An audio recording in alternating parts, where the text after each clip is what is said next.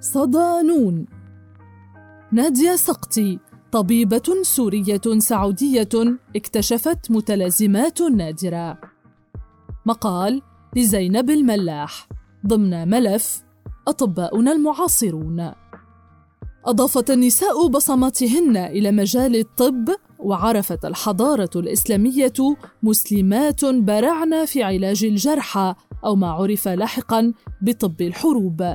بالإضافة إلى تفوق البعض في الأمراض التي تصيب النساء واشتهرت بعضهن بتركيب الأدوية وغيرها من التخصصات.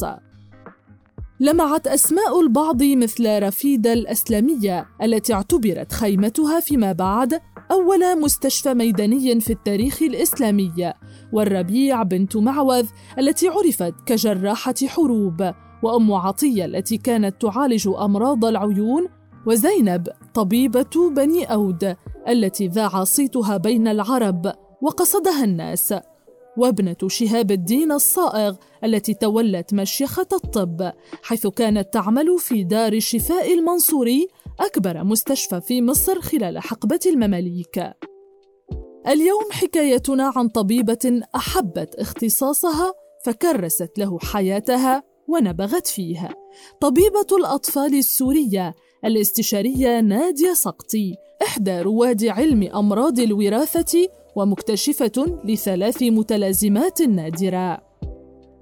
نادية محمد عوني سقطي من مواليد دمشق عام 1938 نشأت في أسرة تشجع على محبة العلم والسعي له تلقت تعليمها في مدارس دمشق لتلتحق بعدها بكلية الطب جامعة دمشق وتتخرج فيها عام 1965 انتقلت بعدها للعمل في مستشفى الجامعة الأمريكية ببيروت ثم بعدها إلى ميامي لتكمل تخصصها في طب الأطفال من جامعة جاكسون.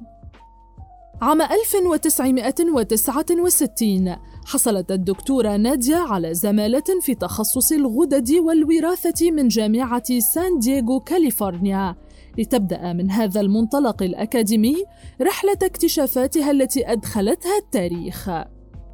حملتها الصدفة إلى المملكة العربية السعودية عام 1978 لتعمل في مستشفى الملك فيصل التخصصي لترأس بعد ذلك قسم طب الأطفال ورئاسة قسم طب الوراثة. خلال وجودها في السعودية أدت الدكتورة نادية دورا مهما في تخصص علم الوراثة والأمراض الوراثية التي تصيب العرب من خلال تأسيسها أول عيادة وراثة في الشرق الأوسط. متلازمات نادرة. دقة الملاحظة وربط الأعراض ببعضها التي قد تبدو عرضية للبعض.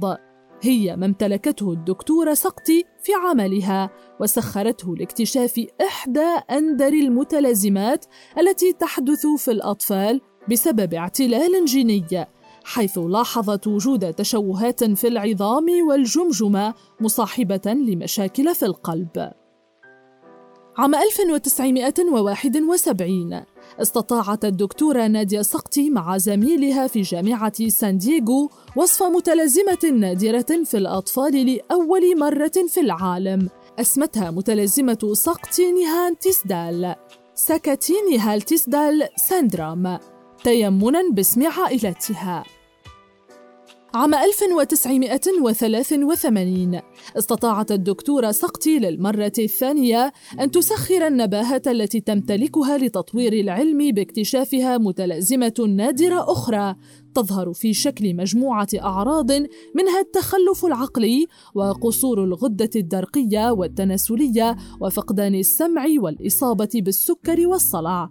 أطلق عليها اسم متلازمة وودهاوس سقطي.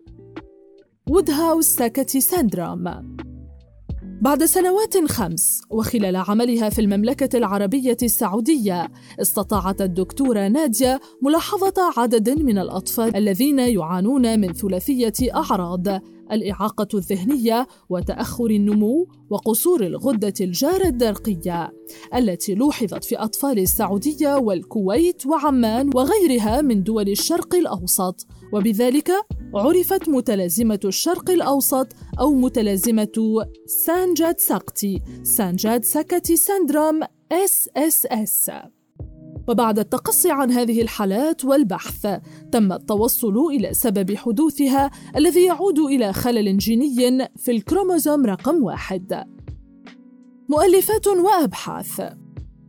لم تكتفي الدكتورة نادية بالاكتشافات التي توصلت إليها، بل أجرت العديد من الأبحاث الرصينة عن الأمراض الوراثية التي تصيب الأطفال، كما نشرت كتابا بعنوان Genetic and Malformation Syndromes in Clinical Medicine بالتعاون مع زميلها ويليام نيهان الذي نشر عام 1976 تبعه مؤلفها الثاني بعنوان Diagnostic Recognition of Genetic Disease. أيضا بمشاركة زميلها ويليام نيهان الذي نشر عام 1987 بعد أكثر من نصف قرن من العطاء ما زالت الدكتورة نادية تقدم الدعم والمشورة للباحثين والأطباء ولا تبخل بوقت أو جهد لرفض الإنسانية بعلمها.